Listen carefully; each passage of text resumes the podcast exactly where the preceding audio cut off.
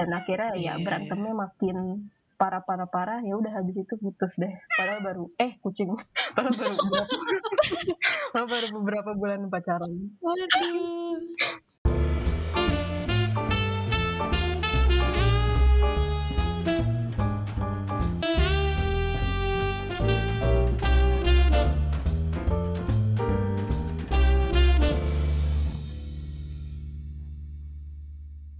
Halo, selamat datang pendengar setiap podcast anotasi di episode kedua di bulan Februari.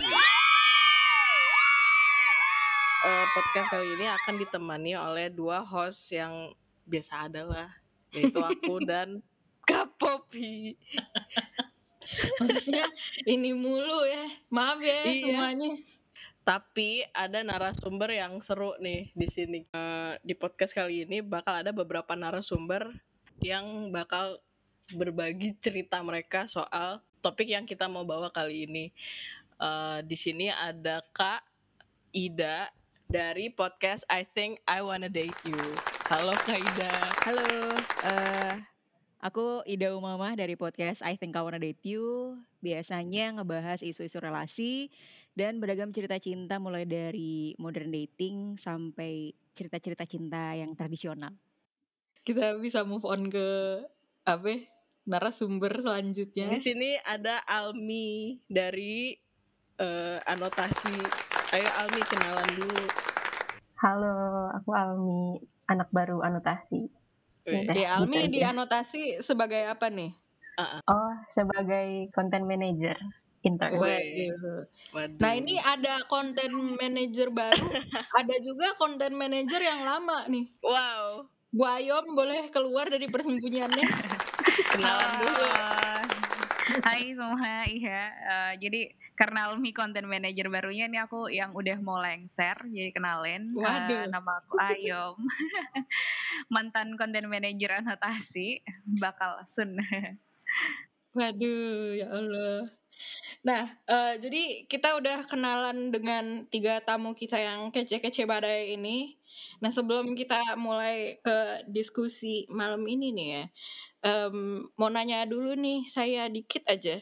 Ya, sebenarnya ntar juga ditanya-tanyain lagi sih. Cuman ini Yoi. pertanyaan intermezzo dulu aja nih. Eh, Ini tuh lagi ada apa ya, dokumen terbaru tuh kan di Netflix judulnya The Tinder Swindler.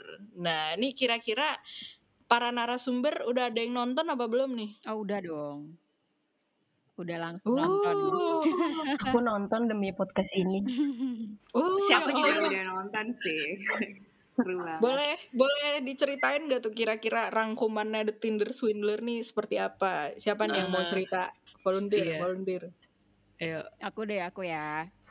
Jadi di dokumenter film The Tinder Swindler ini bercerita tentang seorang cowok yang namanya Simon Levi, seorang warga Israel ya, kebetulan ya bukan warga Depok gitu ya.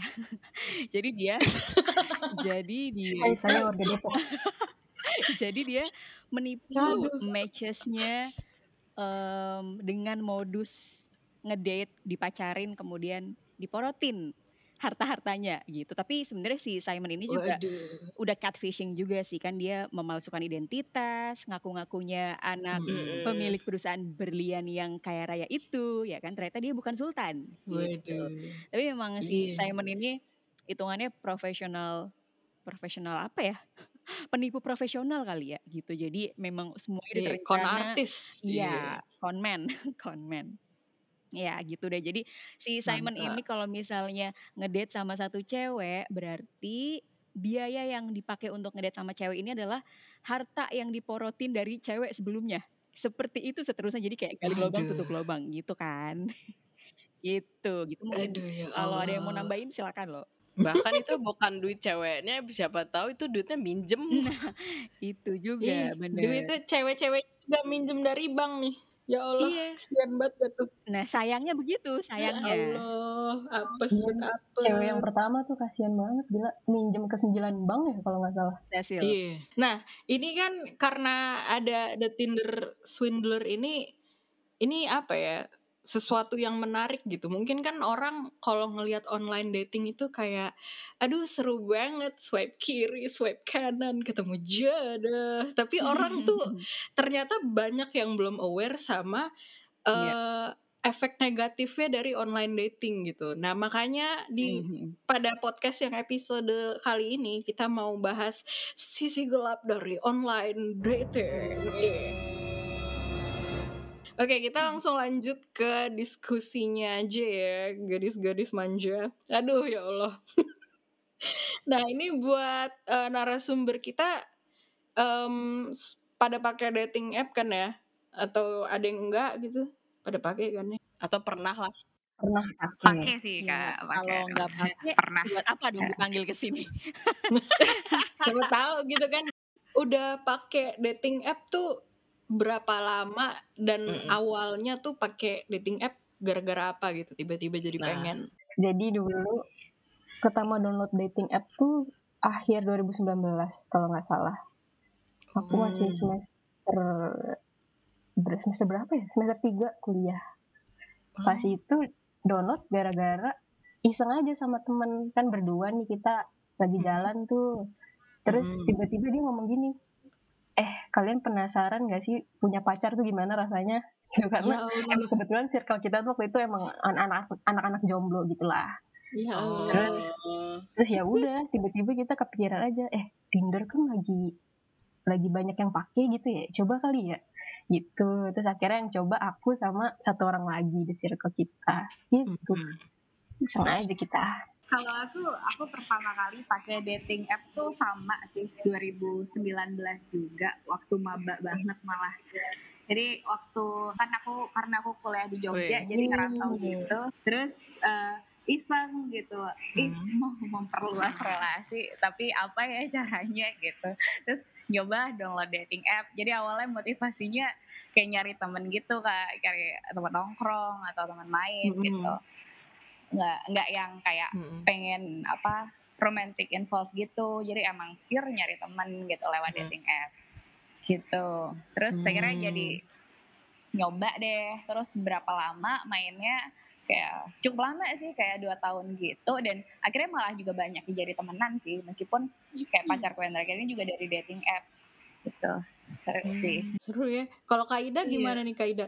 Iya gimana? Jadi yang pertama itu sekitar 2000 2013 sampai 2015. Terus waktu itu memang sempat ketemu sama orang ya gitu, maksudnya meet up gitu. Cuman kan karena ketemunya di Mm-mm. kampus jadi masih ya aman lah ya gitu, tergolong aman dan masih di Iya. tempat publik gitu. Kemudian on off beberapa bulan dan gak ada intensi untuk menjalin uh, any kind of relationship gitu. Kemudian fase kedua sekitar 2016 mulai pakai lagi karena beberapa temen di kampus tuh lumayan sering ngobrolin dating app. Nah dulu ada temen gue Hmm. namanya Cherry, uh, Patres gitu. Mereka sama-sama jurusan cultural studies gitu dan waktu itu memang Hmm. lebih dulu tahu yang ngenalin uh, aku ke dating app itu juga mereka namanya OkCupid dating appnya anyway.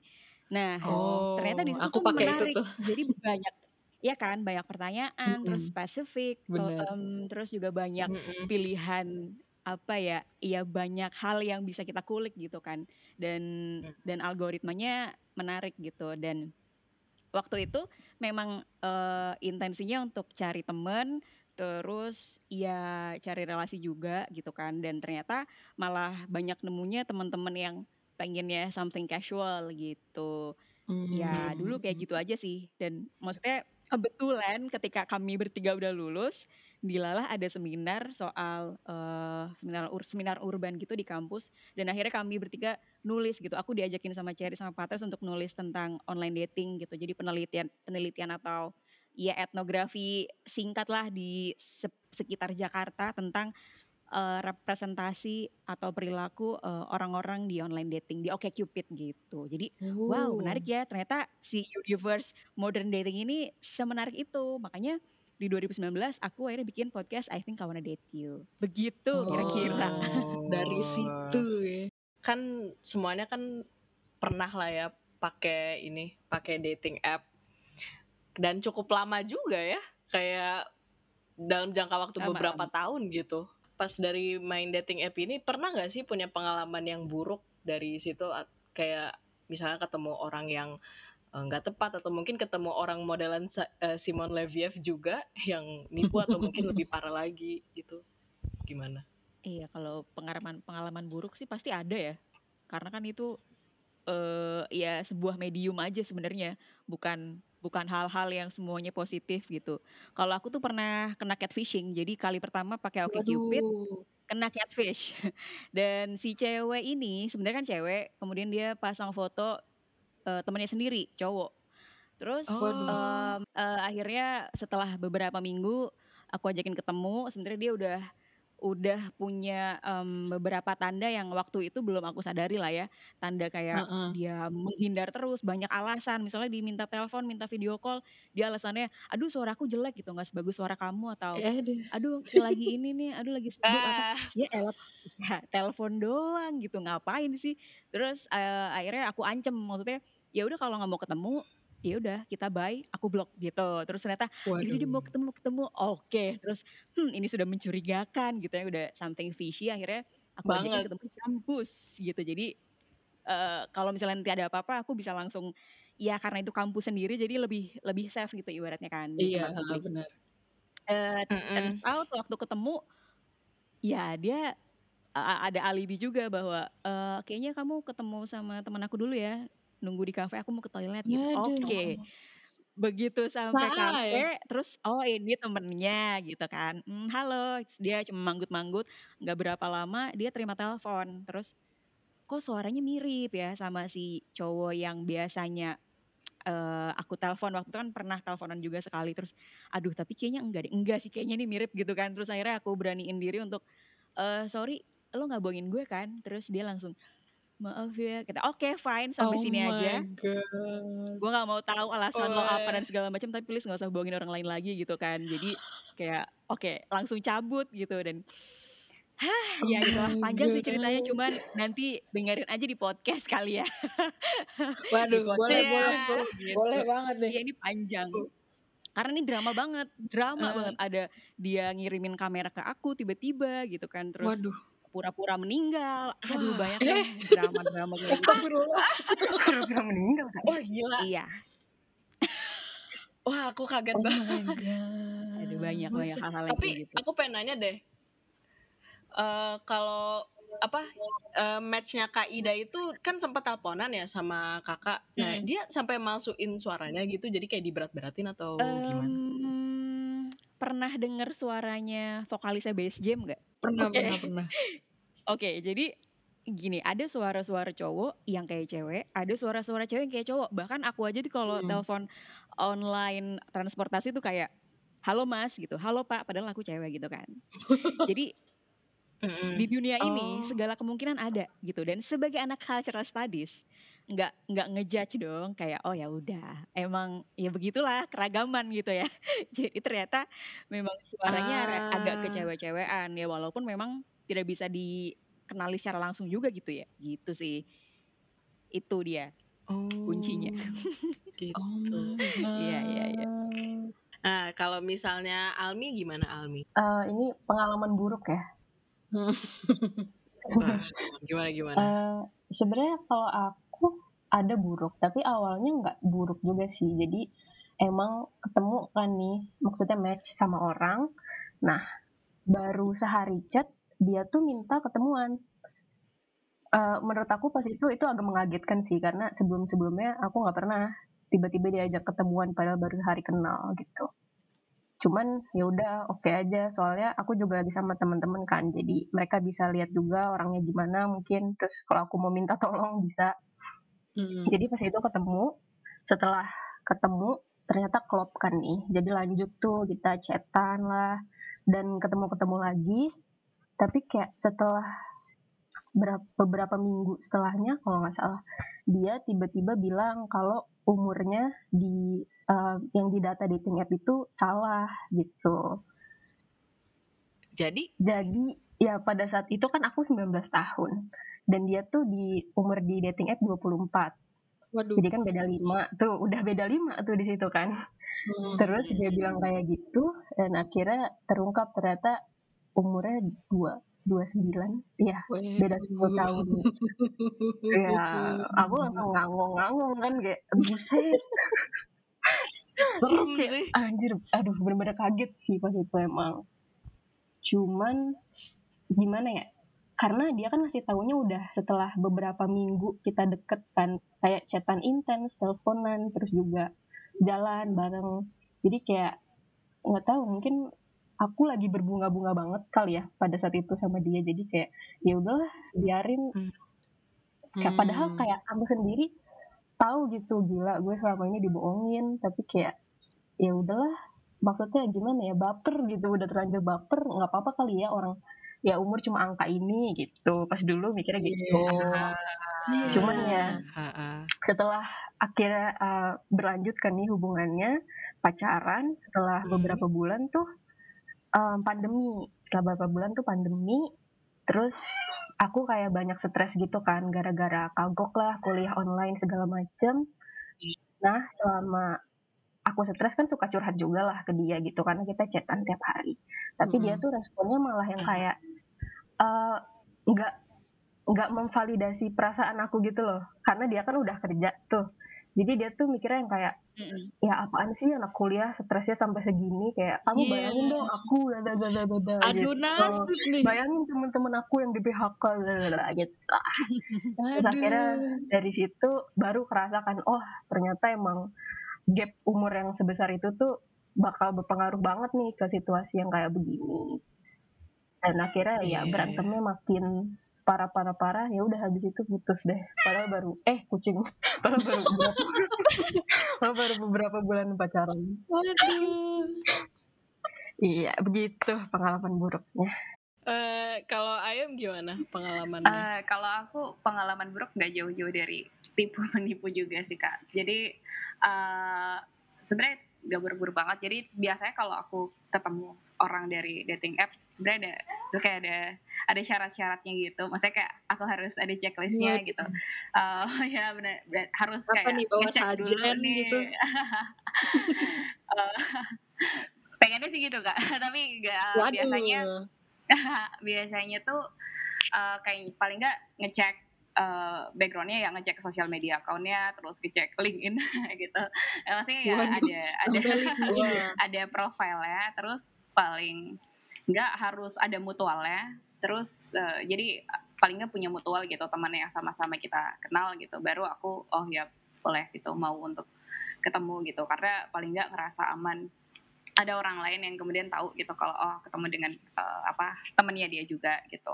Tapi eh, nah beberapa kali itu sebenarnya waktu ketemu sama orang terus udah udah ketemu udah berapa kali jalan eh, buruknya adalah beberapa orang ini ngakunya ternyata ternyata baru setelah kemudian aku tahu gitu mungkin ada tiga orang yang kemudian kayak ketahuan ternyata punya pacar gitu dan main dating app Waduh. Mm-mm, banyak kok yang kayak gitu. Wah, punya iya, pacar, ngadi-ngadi. sangat udah punya gitu udah punya suami, udah punya istri gitu-gitu lah. itu ngeri banget jadi kan uh langsung kayak setelah tahu tuh langsung eh ngeblok dan segala macam karena eh, ya ngeri aja kebayangin apa ya ada ada orang-orang dan laki-laki di luar sana yang ternyata punya pasangan tapi berbohong gitu kayak dan main dating Iya, app iya. itu kan ngeri banget gitu dan Iya. Nah, itu salah satu resikonya. Nah, ngomongin resiko menurut menurut kalian berdasarkan pengalaman eh, main dating app tuh apa sih resiko main dating app selama kalian main gitu? Mungkin penipuan atau tadi tuh catfishing atau gimana?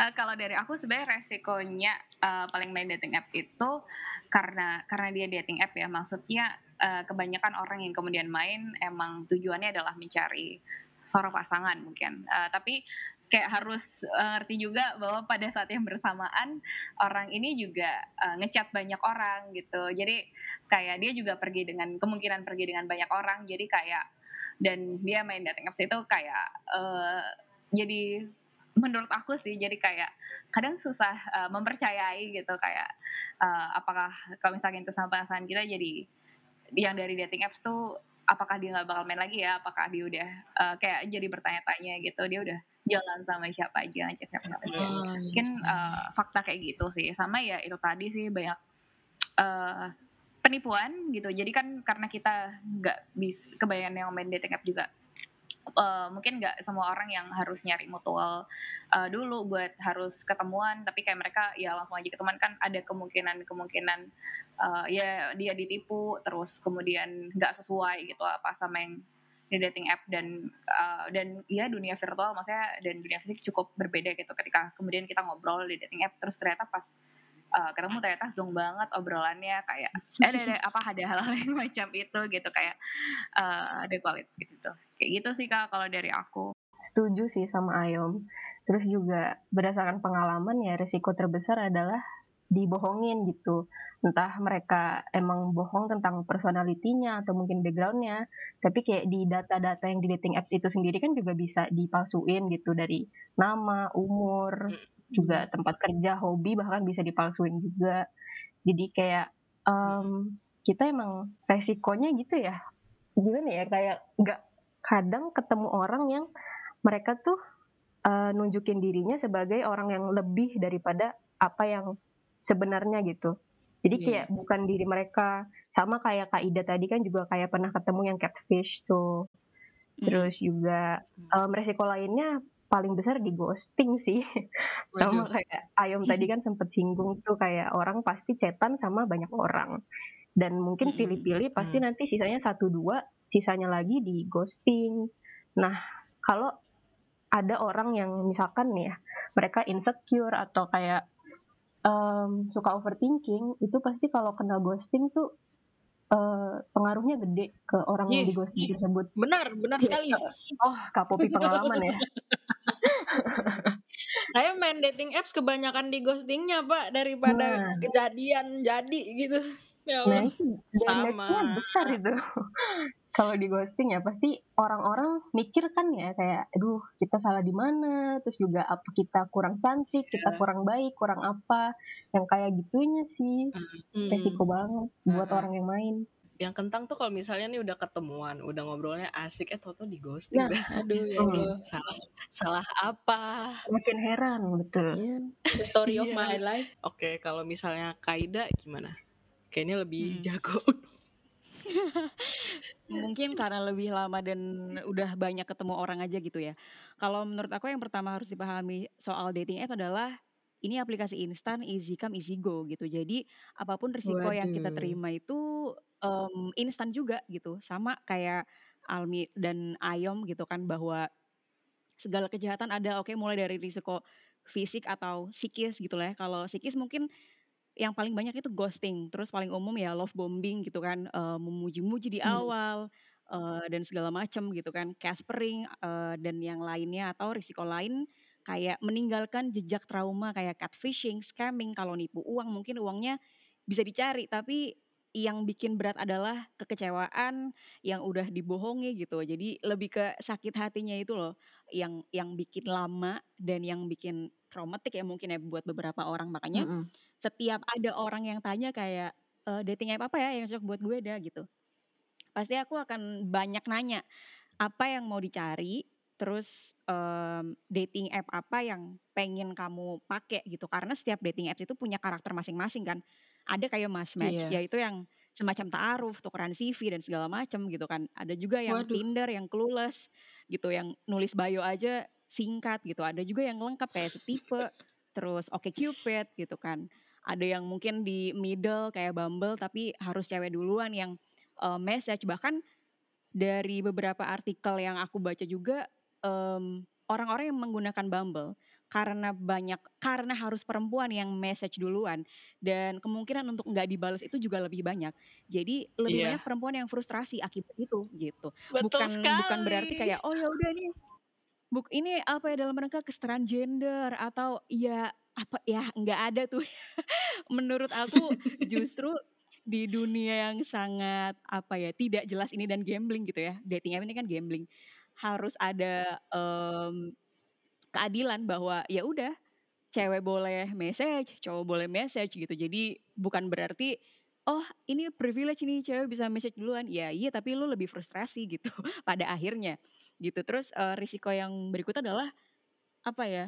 Sering banget ketemu predator seks. Kalau misalnya teman-teman tahu di Instagram tuh ada akun alis kamu gemas. Nah itu salah satu predator seks yang udah jadi buronan ol eee, para korban gitu ya, yang korbannya udah lebih dari 100 orang perempuan, udah lebih dari itu.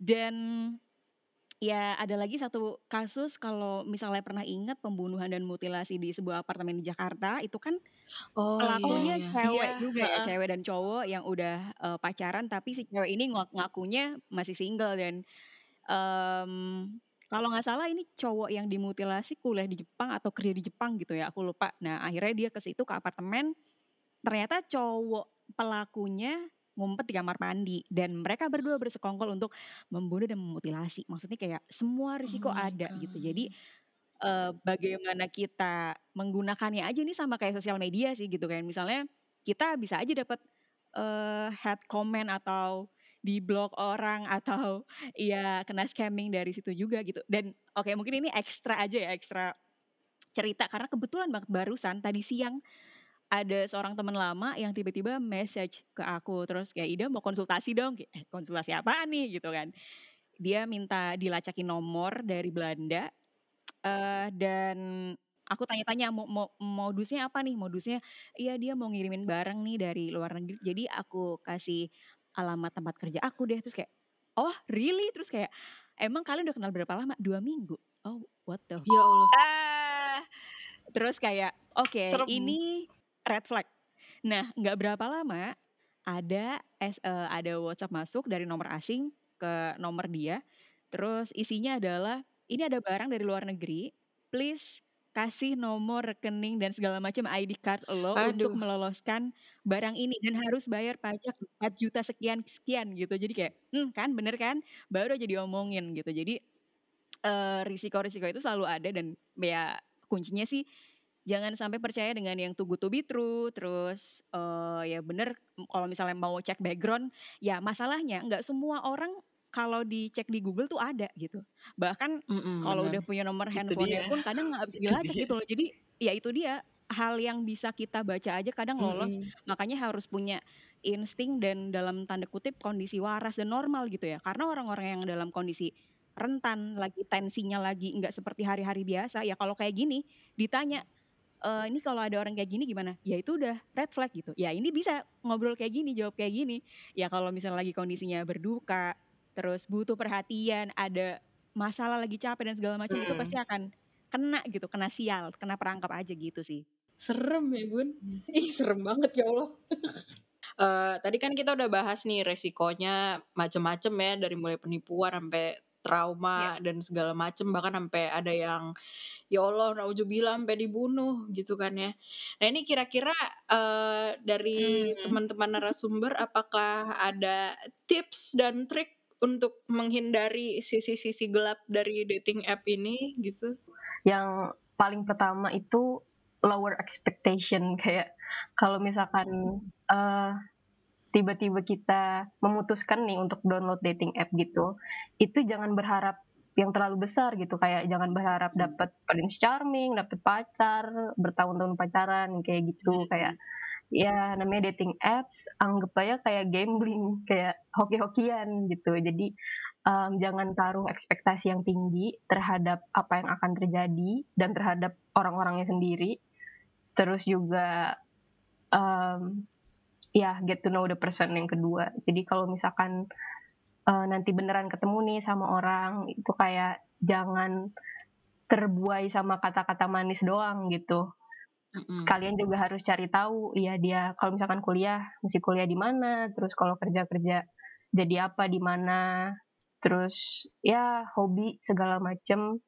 Karena banyak juga orang yang kira gitu pas awal wah kita banyak banget kesamaan. Ternyata pas makin lama kenal baru keungkap gitu kan kayak oh ternyata beda banget nih dalam memandang hidup dalam menghadapi masalah segala macem. Ya jadinya nggak jadi juga hubungannya gitu sih jadi em, kalau dari aku sendiri karena belum nemu yang sampai kayak catfishing atau penipuan segala macem jadi paling kuncinya dua itu untuk eh, pemain dating app pemula lower expectation sama em, get to know the person you're talking to gitu Uh, kalau dari aku, aku setuju sih sama apa itu. Uh, jadi bener pertama harus lower expectation dulu karena uh, karena itu dating app gitu. Jadi ya semua orang uh, bisa main dan uh, dia pun juga uh, bisa uh, kemudian apa ya memperbaiki profilnya gitu membuat jadi lebih baik gitu. Nah uh, sebenarnya kalau tipsnya sendiri uh, kayak apa uh, selain itu mungkin aku rasa juga harus uh, ya selalu cek background misalnya harus connect ke sosial media gitu uh, supaya tahu kan apakah orangnya beneran atau enggak gitu hmm. terus habis itu kalau misalkan mau ketemu gitu ya, ya, ya usahakan buat apa namanya uh, buat buat nyari public place gitu jadi harus ke tempat yang rame gitu jadi kalau ada apa-apa misalkan ya seburuk-buruknya gitu kan uh, ada ada orang lain gitu yang ada di sana gitu. Nah, mm-hmm. uh, jadi dan dari biasanya apa uh, profil-profil yang too good to be true gitu yang kayak fotonya diambil kok bagus banget gitu. Atau kayak ambil dari Google ya mm-hmm. uh, apa ya semacam itu sama aku setuju sama kak. Ida tadi juga harus percaya sama insting jadi kalau ada udah ngerasa kayak kayaknya ada yang suspicious ada yang aneh gitu uh, mending nggak usah aja gitu. Karena karena kayak banyak juga, dan banyak juga dari dating app itu kayak ada semacam persepsi umum kalau orang di dating app itu jadi uh, semuanya itu into sama casual sex gitu padahal kan enggak nah. juga gitu. Nah mm. itu tuh yang biasanya kayak jadi sering dan jadi penyebab buat uh, kekerasan juga apa dari laki-laki dating app itu. Kayak kemudian mereka ngirim uh, foto yang bahkan nggak diminta gitu. Uh, ya kayak gitu gitu kak. Jadi kayak ya menerima um, semacam itu dan bahkan kayak first date terus tiba-tiba uh, mengajak untuk casual sex gitu padahal uh, itu kan pengalaman yang uh, bisa jadi traumatis gitu untuk beberapa orang yang tidak expect itu kan di dating app jadi iya. ya pertama harus uh, itu sih hati-hati juga perkara itu. Iya, selain dari Almi sama Ayom ya mungkin aku mau nambahin dikit. Jadi mengubah mindset itu perlu bahwa harus lower the expectation gitu, bener. Karena aku pernah baca buku judulnya Flirtologi, terus di situ bilang bahwa uh, di USA itu sebanyak 49 juta pengguna, cuma sekitar 5% yang berhasil menikah dari dating app. Terus kalau di UK dari 15 juta pengguna, cuma 10% yang ketemu pasangannya gitu. Jadi memang uh, 80% lebih itu tidak berhasil gitu. Jadi jangan ngarep apa-apa dari sebuah medium online yang instan gitu kan. Ini kan sebenarnya medium aja ya. Sama kayak iya, bener. dijodohin sama keluarga, ditemuin sama teman, ketemu di volunteer apa komunitas gitu. Uh, itu yang pertama itu ya. Jadi mengubah mindset sih. Terus uh, tips berikutnya selain itu buat aku adalah lihat dari profil. Kalau kita kan cewek-cewek ini mungkin lebih peka dan sensitif terhadap bentuk foto gitu ya kayak wah ini editan nih atau oh ini blur banget ya gitu. Itu itu menurut aku salah satu kelebihan ya, lebih lebih jeli gitu biasanya kalau cewek-cewek gitu walaupun ada cowok-cowok yang jeli juga. Kemudian kalau yang kedua tuh dari uh, dari gaya komunikasi misalnya dari pertama udah ya itu muji misalnya baru kenal seminggu ya belum pernah teleponan dia udah bilang aduh kayaknya kamu baik banget ya kamu pasti seksi deh terus kamu kayaknya pinter ya dari cara ngomongnya aku tuh belum pernah deh ketemu cewek-cewek yang kayak kamu gini misalnya gitu nah itu tuh patut dicurigai pokoknya udah muji padahal dia belum tahu belum aduh. kenal kita gitu terus uh, red berikut flag. Iya itu red flag banget ya. Dan ya kalau memang bisa background check, background check cari nomornya di get contact through caller or something gitu. Wah, Terus, benar benar. Um, ya itu itu udah kalau udah kadung tukeran nomor WhatsApp ya gitu. Better enggak dulu sih mungkin selama tiga minggu sebulan gitulah kalau emang kita belum yakin. Terus uh, background check soal nama, bener tuh kayak di LinkedIn dan sosial media. Nah kalau nggak ada ya gimana? Mungkin bisa uh, Google search image gitu. Terus apalagi ya kalau buat aku selain background check sih kalau memang pengen ketemu di ruang publik, eh kalau memang pengen ketemu ya ketemulah di ruang publik benar kayak tadi bilang. Yang pertama pilih restoran atau tempat makan. Kenapa? Karena paling kan kita cuma sejam dua jam ya makan. Kalau misalnya orang yang nggak cocok sama yang kita ekspektasiin atau dia aneh-aneh, kita bisa uh, pergi dengan cepat gitu dan alasannya ya nggak usah muluk-muluk lah abis ini ada apa-apa gitu kan cuma makan doang gitu kemudian kalau pengen lebih ringkes lagi nggak ada huru hara bisa di coffee shop misalnya kayak aduh ini ntar yang bayar siapa ya siapa yang traktir aduh ribet banget pokoknya di coffee shop langsung ke kasir bayar sendiri-sendiri gitu. Itu lebih Iya benar tidak benar. ada utang budi, nggak ada oke next date berarti gue ya, berarti Anda gitu. Nah, biar nggak ribet gitu. Kalau pengen lebih aman ya, itu buat aku sih gitu. Terus uh, ketemu di meeting point, jangan mau dijemput, jangan mau ngejemput. Karena kita nggak pernah tahu uh, dia akan ngejemput kita, terus dibawa ke mana? Siapa tahu di dalam mobil di apa lain gitu kan? We never know gitu kan. Itu untuk menghargai kenyamanan dan privasi masing-masing aja sih sebenarnya gitu. Nah, kemudian yang jarang dilakukan ini adalah cerita ke orang yang dipercaya, entah keluarga, entah sahabat, teman dekat gitu ya, bahwa gue nih lagi mau ketemu uh, ini nih orang dari siapa gitu dating app mana gitu kan karena kalau misalnya nanti ketemu orangnya terus tiba-tiba dia aneh-aneh terus kita bingung mau ngapain itulah gunanya kita ngabarin kalau perlu share location gitu. Biasanya itu aku lakukan kayak gitu sih. Dan aku ketemu sama predator sing itu waktu itu karena aku nggak ngasih tahu temanku yang biasanya gitu. Itu jadi kayak it's a sign gitu bahwa lo nggak boleh ngelakuin kayak gini lagi deh gitu. Itu itu sebenarnya pengalaman aku Hmm. juga sih. Jadi kalau ada hal-hal buruk kita bisa langsung di rescue ibaratnya sama mereka atau Iya ya pura-pura ditelepon apa kek gitu kan. Terus kalau misalnya lagi ngobrol udah udah di meeting point kencan itu ya eh, baiknya ngobrol sama yang sifatnya umum dulu. Misalnya ketertarikan kita ke hal apa gitu. Terus biasanya sibuk apa.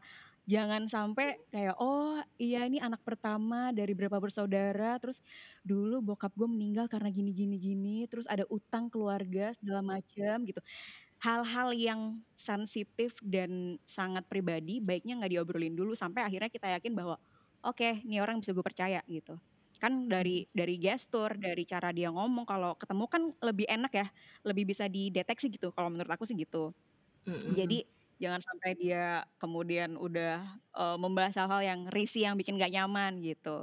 Terus bawa pepper spray. sebenarnya ini Oh. sebenarnya ini adalah life hack para perempuan di Twitter gitu ya. Maksudnya dulu pernah ada uh, sebuah utas bahwa gue tuh sebagai perempuan tuh selalu insecure kalau keluar ke mana pun di saat apa pun siang malam sore ya ada yang bawa pepper spray ada yang bawa kunci mobil gitu oh ya pokoknya banyak lah gitu-gitu yang uh, untuk melindungi diri gitu kan nah Mm-mm. terus uh, aku tuh aku tuh sebenarnya terbuka ya dengan apa pun jenis hubungan yang pengen dicari oleh pengguna online dating mau hookup mau casual gitu terserah yang penting make sure bahwa lu tahu risikonya kalau misalnya uh, nggak pakai alat pengaman seperti apa dan ini orang backgroundnya udah tahu belum? Misalnya kayak ya dia having sex ke banyak orang nggak? Terus pakai kondom kan misalnya gitu kan? Maksudnya hal-hal itu tuh harus lebih ditanyain gitu kalau memang pengen hookup gitu ya. Jadi nggak semua orang juga ready dengan ready dengan uh, uh, jenis relasi ini. Karena kan biasanya perempuan akan lebih perasa ketika udah uh, udah kena hal-hal yang bersifat physically gitu kan udah emotionally involved gitu ibaratnya. Walaupun kita di mulut bilangnya nggak kok tenang aja gue baik-baik aja. Begitu udah Mm-mm. udah pulang gitu kan dari tempat ketemuan misalnya kayak duh kan jadi ngarep sesuatu gitu misalnya. Ya itu nggak nggak bisa dibohongin juga bahwa ada kecenderungan seperti itu walaupun ya nggak semua cewek dengan mudah bisa emotionally involved gitu ya. Paling itu aja sih jadi eh, sadar bahwa ngenalin hal-hal yang nggak kelihatan tuh perlu juga. Karena kan orang-orang biasanya ngerasa ini nggak penting ya kayak ya udahlah gue bukan pengguna online dating. Oh ya jangan salah. Orang yang nggak Iya pakai benar. online dating bisa kena scamming dan segala macam pelecehan seksual juga di di internet gitu ya mau di Twitter, benar. Instagram, Facebook or something gitu ya. Itu juga ada. Jadi ini emang berlaku untuk um, any kind of social media or internet thing gitulah ya.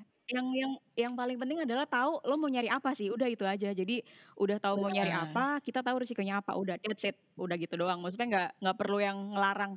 Ya udah janganlah kalau sama orang yang mau hookup ya terserah aja. Maksudnya kan yang penting kita udah ngasih tahu ya rambu-rambunya. Itu kan hak mereka dan kebebasan mereka juga gitu. Kalau aku tuh lebih terbuka gitu dengan segala em, jenis apa pun relasinya gitu sih. Nah, oke kalau begitu itu tadi ya kita obrolannya seputar sesi gelap dari online dating ya. Jadi tadi kita udah sharing banyak nih narasumbernya soal pengalaman masing-masing tentang resiko dari online dating nih ya. Ada yang pernah ketipu, gitu nih Kaida nih ya Allah kasihan banget di catfish gitu kan tadi juga kita udah sharing gimana caranya untuk menghindari ya seperti itu ya yang tidak enak dari online dating semoga Iya, bermanfaat ya hal-hal buat temen-temen yang sedang Iya, sedang apa ya namanya? Sedang menggunakan online dating atau yang baru pengen terjun ke dunia online dating nih. Mudah-mudahan berguna banget nih tips and triknya. Nah, selanjutnya nih eh, dari Kaida, apakah ada yang mau dipromosiin? Buat teman-teman pendengar podcast anotasi, karena ini lagi ngebahas online dating, kebetulan di podcastku I Think I Wanna Date You, juga beberapa minggu ke depan akan membahas soal berbagai pengalaman dan cerita orang-orang yang menggunakan online dating gitu dari kena scamming, terus kena hal-hal buruk lain gitu ya. Mungkin nanti bisa didengerin juga sebagai bekal buat kita yang sekarang lebih dekat ke dunia online gitu ya, khususnya di internet gitu sih. Oke. Oke, makasih Kaida. Nah, jangan lupa pantau terus media sosial anotasi buat konten-konten menarik soal ilmu sosial di Instagram dan Twitter di @anotasi.com. Jangan lupa juga buat baca artikel-artikel keren di website kita di anotasi.com. Nah, tanggal 21 Februari kemarin, Anotasi baru nge-publish ar- artikel dengan judul Memahami Autisme secara lebih dalam, membangun kesadaran yang lebih inklusif oleh Iresha Anindya. Bisa dicek di eh, di anotasi.com slash blog. Ada di deskripsi Spotify. Cari aja, cari aja. Nah, ini karena udah selesai nih ya, Bun. eh, kita mau terima kasih dulu kepada tiga narasumber buat Kaida, Almi, dan juga Ayom. Makasih banget udah mau dateng. Iya. Makasih banyak. Sejam loh, hampir sejam Yeay. ini. Akhir kata nih ya, kami host dan para narasumber mau pamit dulu. Sampai jumpa di episode podcast anotasi yang selanjutnya. Bye-bye. Thank you, Bye. Kak.